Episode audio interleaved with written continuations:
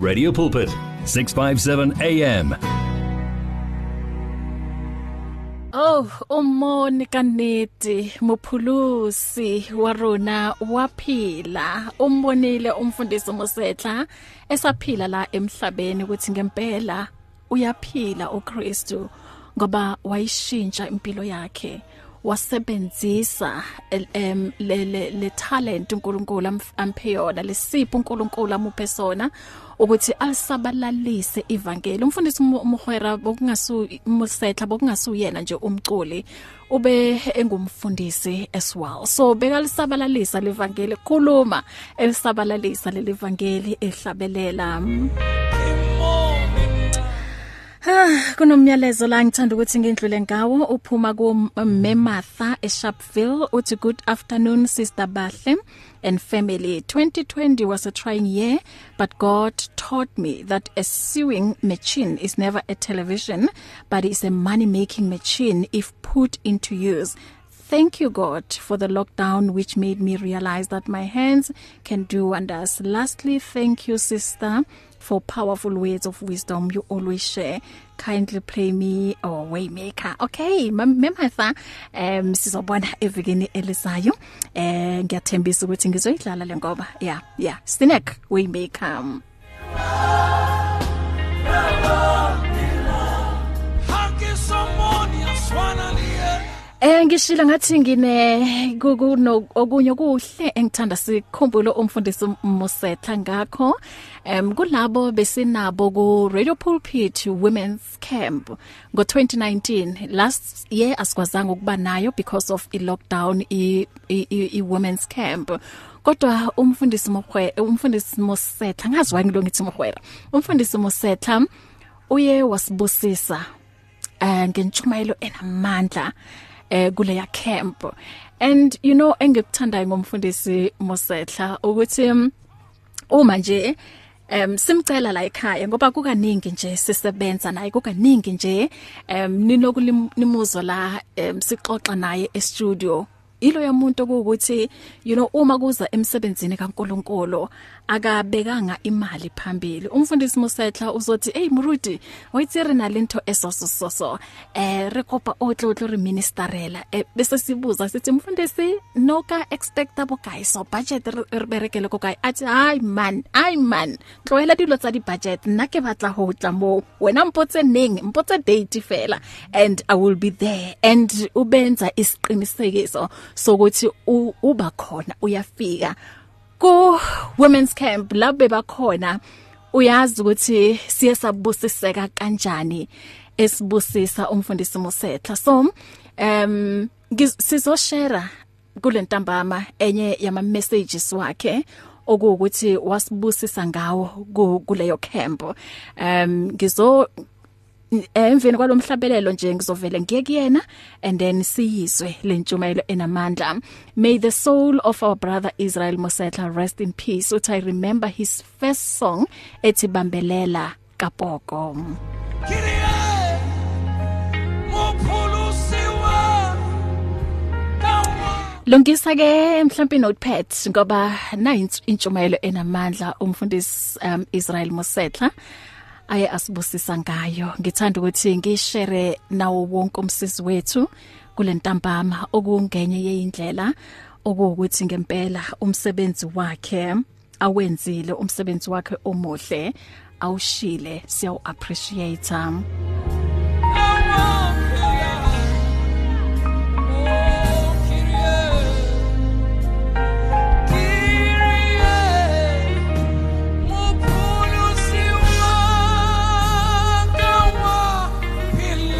I personally don't like to be invited in concerts and festivals uh, because there, that's where you will perform. But here, you don't perform. This is an altar. Yes. You, you, you serve in an altar, you know. So, so when, we, when we are given the opportunity, the grace, the grace to do it, you do it with understanding and also with fear and trembling. Because this is not a place where you can just do whatever you want to do. And so, and so I always say um, to, to people never, never play with grace. Because, you, you know, I, I'm reminded of Shimei. There's, there's, there's a guy that's called Shimei in the book of First Kings, uh, chapter 2. This man, Shimei, David, David, before David dies, he says to his son Solomon, uh, There's this boy that came to insult me. He insulted me, and I saw, I, I, I promised him, I'm not going to kill him with my sword.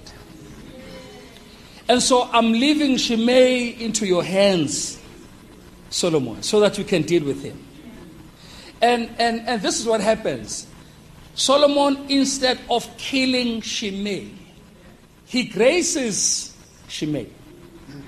And he says to Shimei, Shimei, you remember on this day you went to insult my father. And he says, Yeah, no, I remember. And, and listen, he, he, he, he said to you he's not going to kill you with his sword. And so he has given me the instruction to deal with you. But I'm not going to kill you. Listen, I'm going to grace you. And he says to Shimei, Do yourself a favor. Don't leave Jerusalem. The day you leave Jerusalem, you're going to die. So you can do whatever you want to do in Jerusalem. You can build your house, yourself a house. You can build yourself, you know, you can get married. You can do your business in Jerusalem. But do yourself a favor. Don't leave Jerusalem. The day you leave Jerusalem, what's going to happen? You will born. Can I tell you? The day you leave the grace of the Lord, you will die. The day you leave the grace, there's everything that you need within the boundaries of the grace. Ah, there's everything. Healing of your marriage is within the boundaries of the grace. Healing of the family, your kids, your business, everything. The healing and restoration is in the boundaries of the grace. You leave the grace, you will die. And the Bible says, Shimei prospered. After three years, two of his servants left the household. And he left to run after them. And he left Jerusalem. And when he came back, Solomon heard that Shimei left Jerusalem. And he says, when he comes back, call him here. Shimei came back and they asked him, they, did, did I not tell you not to leave Jerusalem? Isn't it that God always remind us? Don't leave the boundaries of my grace. You leave the boundaries of my grace, you will surely die.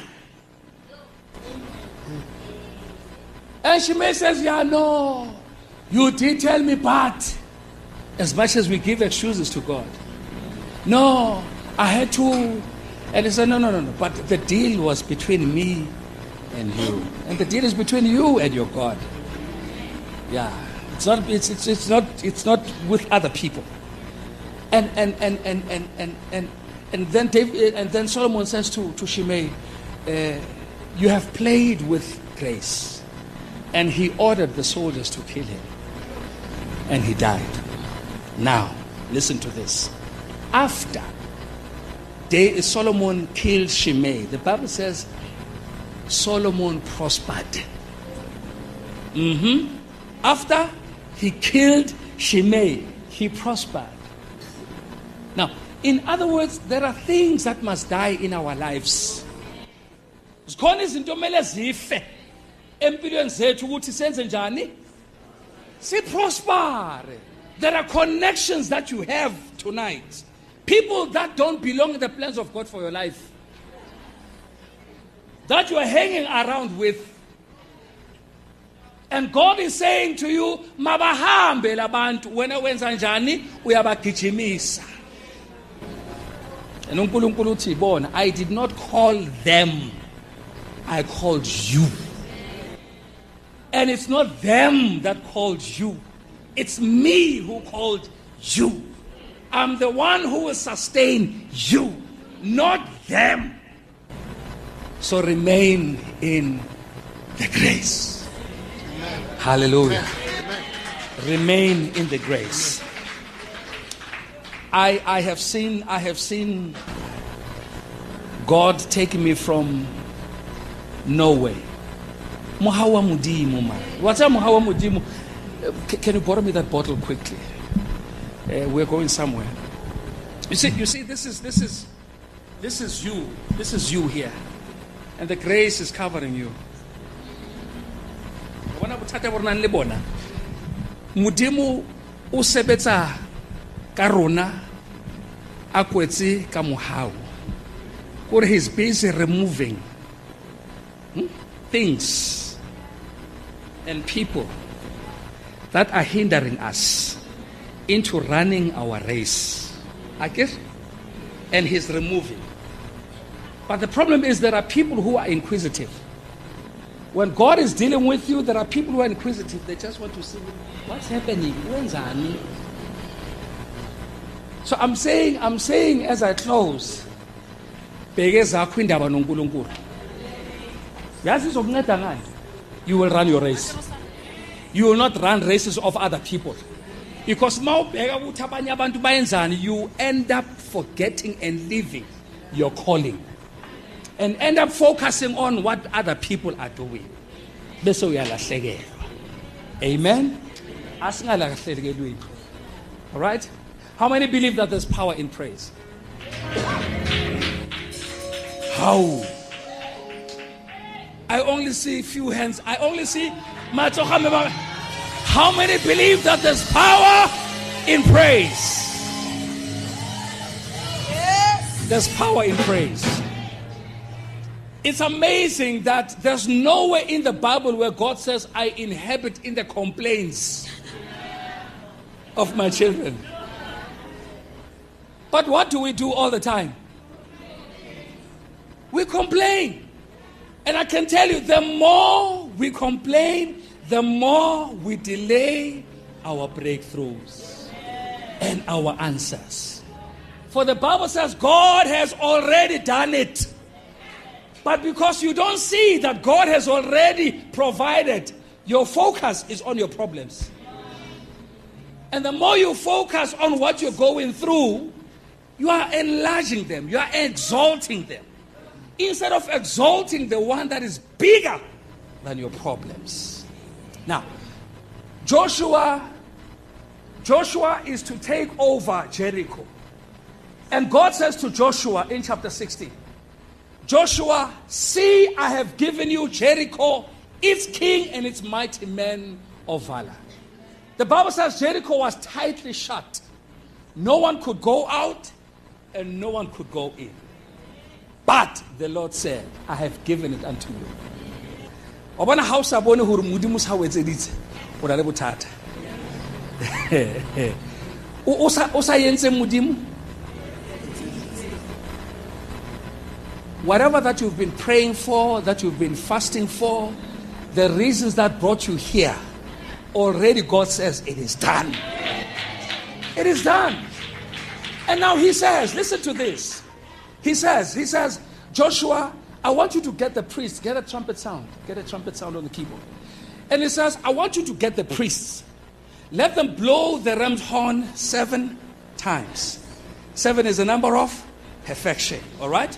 And it says, after they have blown the ram's horn seven times, I want the children of Israel to shout like never ever before. This was not a shout of complaint, but it was a shout of praise. It was a shout of praise. And the Bible says, immediately when they began to shout, the walls of Jericho came tumbling down.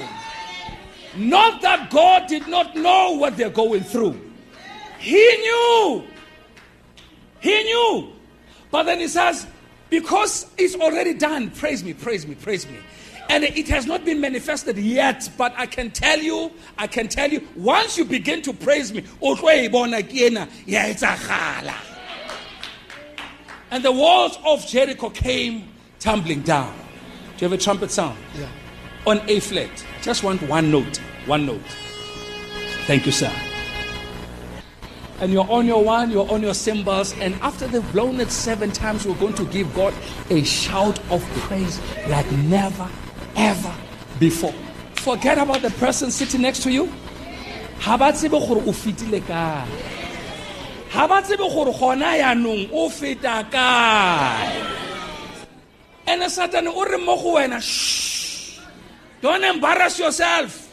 No, no, no, no, no, no, no, no, no, no. Don't embarrass yourself. But I'm saying to you tonight, the praises that you're going to give Jehovah tonight, they will bring every wall.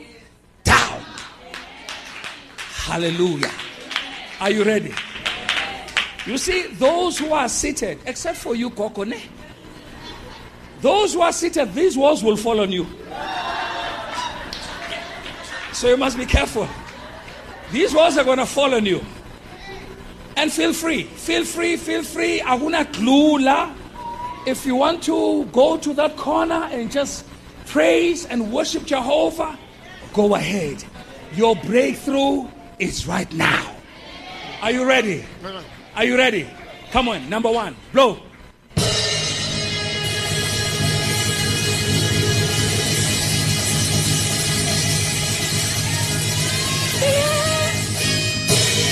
Continue.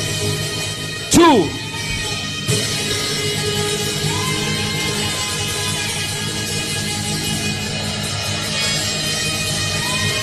Three.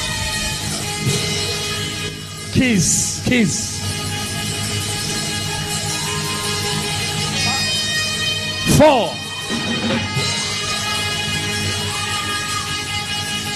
Hallelujah.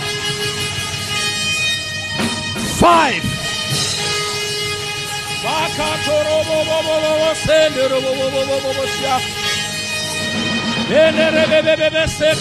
Six. Are you ready to praise? Seven, seven. Are you ready to shout? Are you ready to give God a shout? Come on, give God a praise. Hallelujah. Hallelujah, Lord. We give you all the glory. We give you all the honor. You are worthy. You are worthy. You are worthy. You are glorious. You are mighty. Worthy, worthy is your name.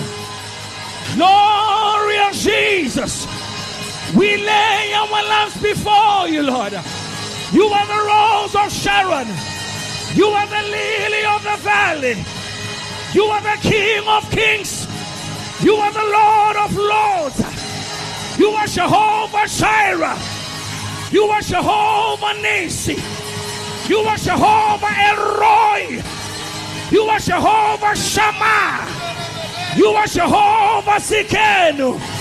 You are Jehovah Mikadesh. You are Jehovah Emmanuel. Holy, holy, holy, holy. Holy, holy, holy. Holy, holy, holy. We bless your name, Jehovah. Hallelujah. Hallelujah. Hallelujah. Hallelujah. Jesus. Jesus. Jesus. At the shout of that name. At the shout of that name. Demons tremble. At the shout of that name.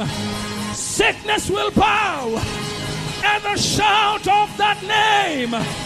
Restoration comes. At the shout of that name. Deliverance comes. At the shout of that name. The name Jesus. The name Jesus. Salvation comes. At the shout of that name. At the shout of the name Jesus. Jesus. Jesus. Jesus. Jesus. Jesus. Hallelujah. Mondo robo bobo bo seke toro bobo sia. Yende rebe bebe be seke toro bobo sianda. Hallelujah. Jesus. Jesus. Woo! Hallelujah, hallelujah. Bless your name, Jesus. We bless your name, Jehovah. We bless your name, El Shaddai. El Shaddai, El Shaddai. Elohim, Elohim. Yahweh, Yahweh. Yahweh, Yahweh. Yahweh, Yahweh. Jesus, Jesus. Hallelujah. Akekho fana nawe Jesu. Asikambono fana nawe somandla. Uyingcwele, uyingcwele. Amazulu ayababaza. Ubukhulu bakho Jehova. Athi uyingcwele uyakhazimula. Uyingcwele Jehova.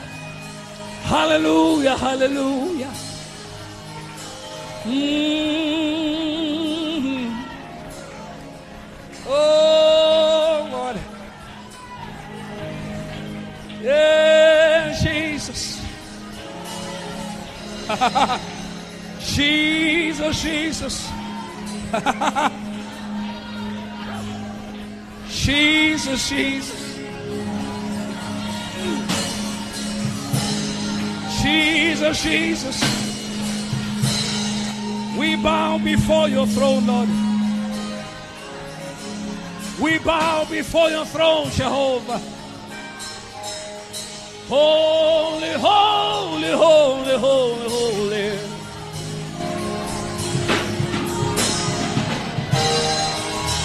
Hallelujah. Hallelujah. This was in the midnight hour. There's something about the midnight hour. You see, nabathakathi basebenza in the midnight hour. There's just something about the midnight hour. I, I, I, so, I so wish that this was the midnight hour. The Bible says in Acts chapter 16, Paul and Silas in the midnight hour. They began to sing songs of praise and they prayed. And suddenly there was an earthquake. Yes. And we declare a sudden earthquake right now. Jesus. In the name of Jesus. As we lift up the name of Jesus, as we praise Him and exalt Him, we declare a sudden earthquake in your situation. It doesn't matter what it is, but we declare a sudden earthquake. Woo. Be seated for a while. Be seated for a while. I want us to look at this scripture.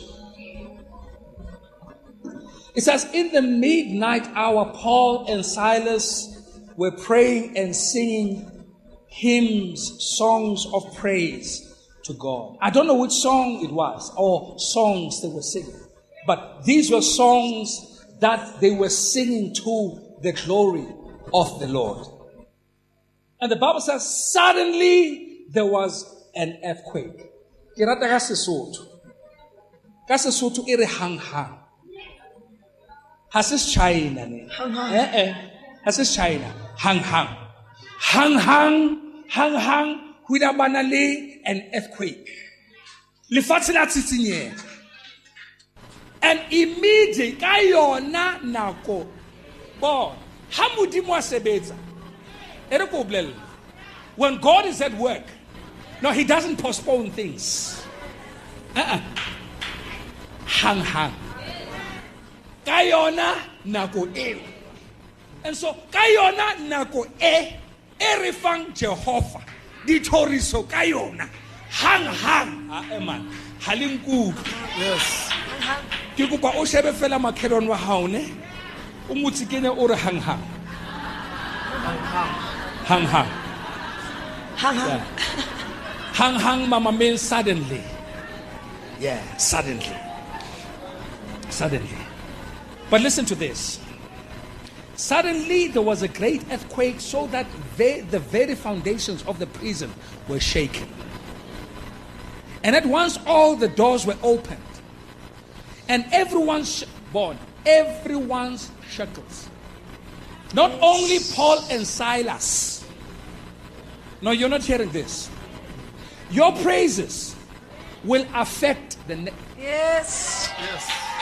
will affect the next person's situation.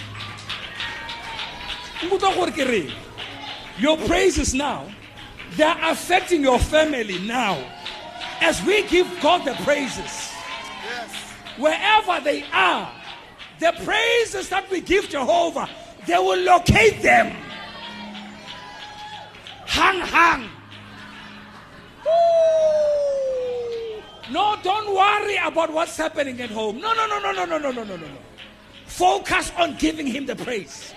Because when you do it, it will affect them as well. It will surely affect them. Mm-mm, it will affect them. Their shackles were also removed. And you see that as they were removed, the jailer thought there was a great escape.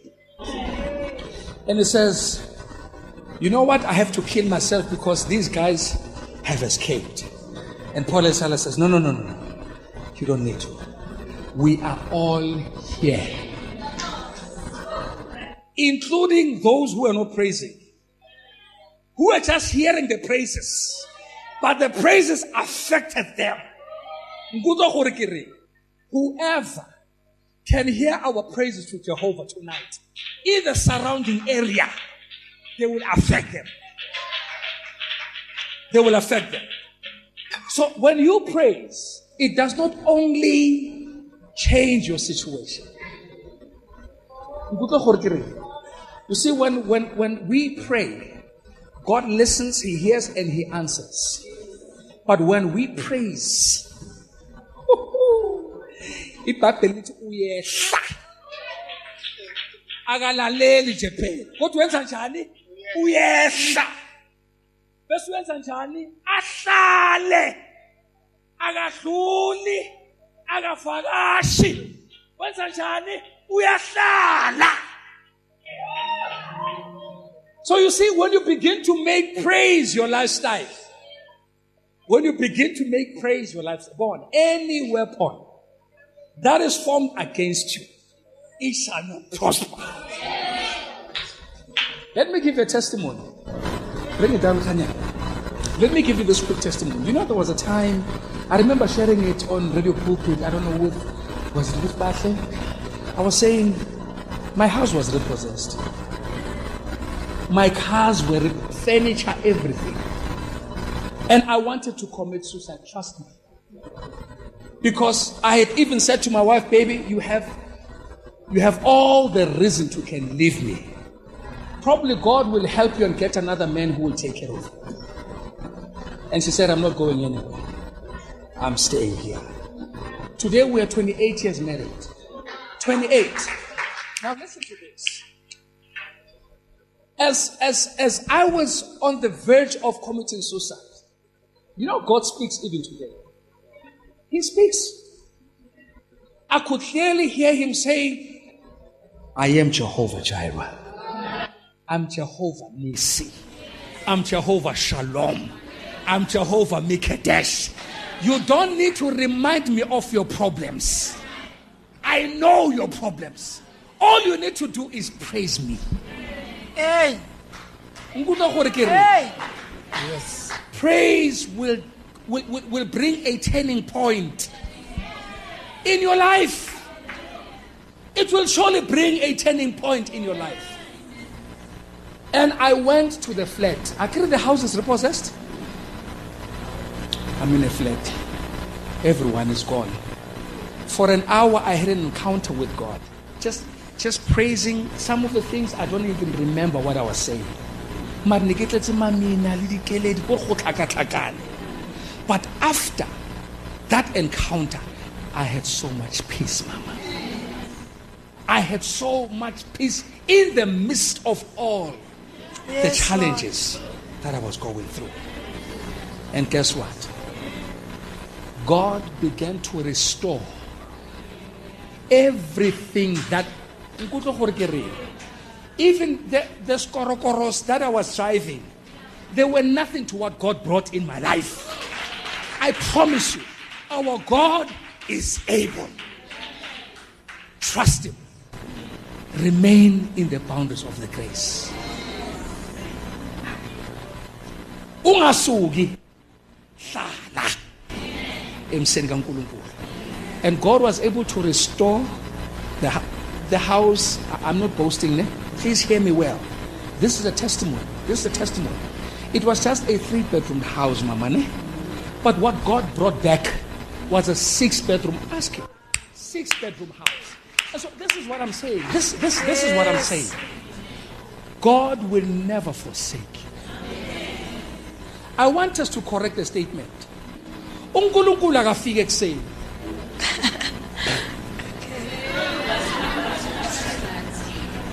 Ngicela kuyiphinda futhi le. He doesn't come in the morning. The Bible says it's joy that comes in the morning. Hayi uNkulunkulu. uNkulunkulu uhlala ekhona. He says, I will never leave you nor forsake you. When you go through the fires, you will not burn. When you go through the rivers, it doesn't matter what, how deep those rivers are, you will not drown.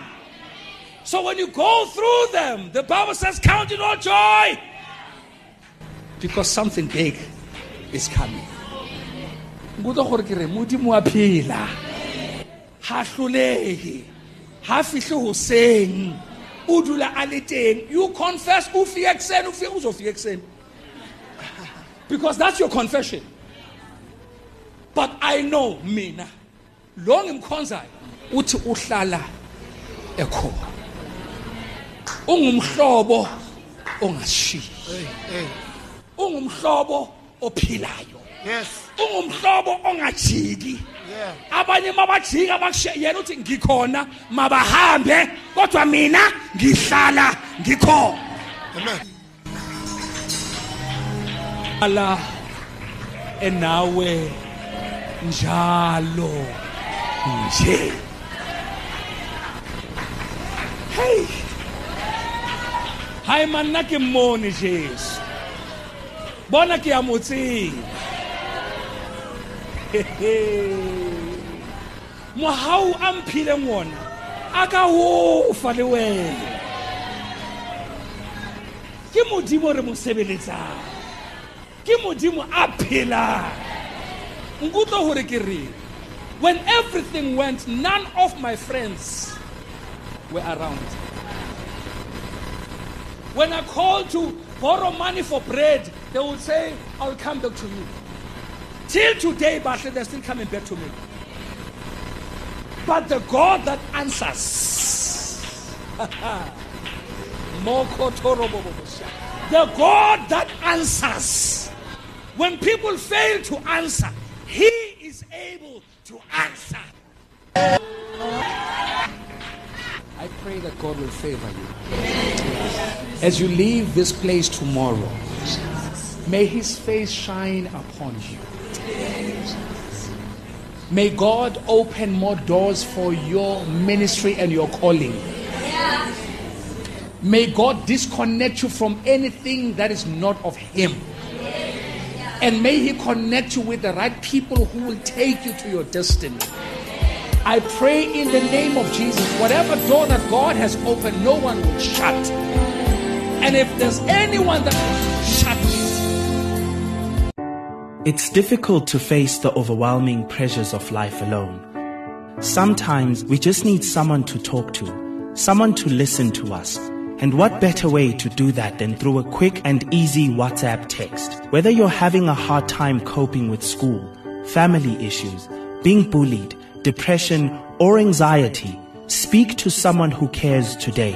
Send a WhatsApp message to 064 530 6805 or 074 995 9085. Our I Am Youth Counseling team, Charles Dudoy and Danny Vambili, are ready to connect with you today. You and 657 AM and life, a winning team on the road to eternity.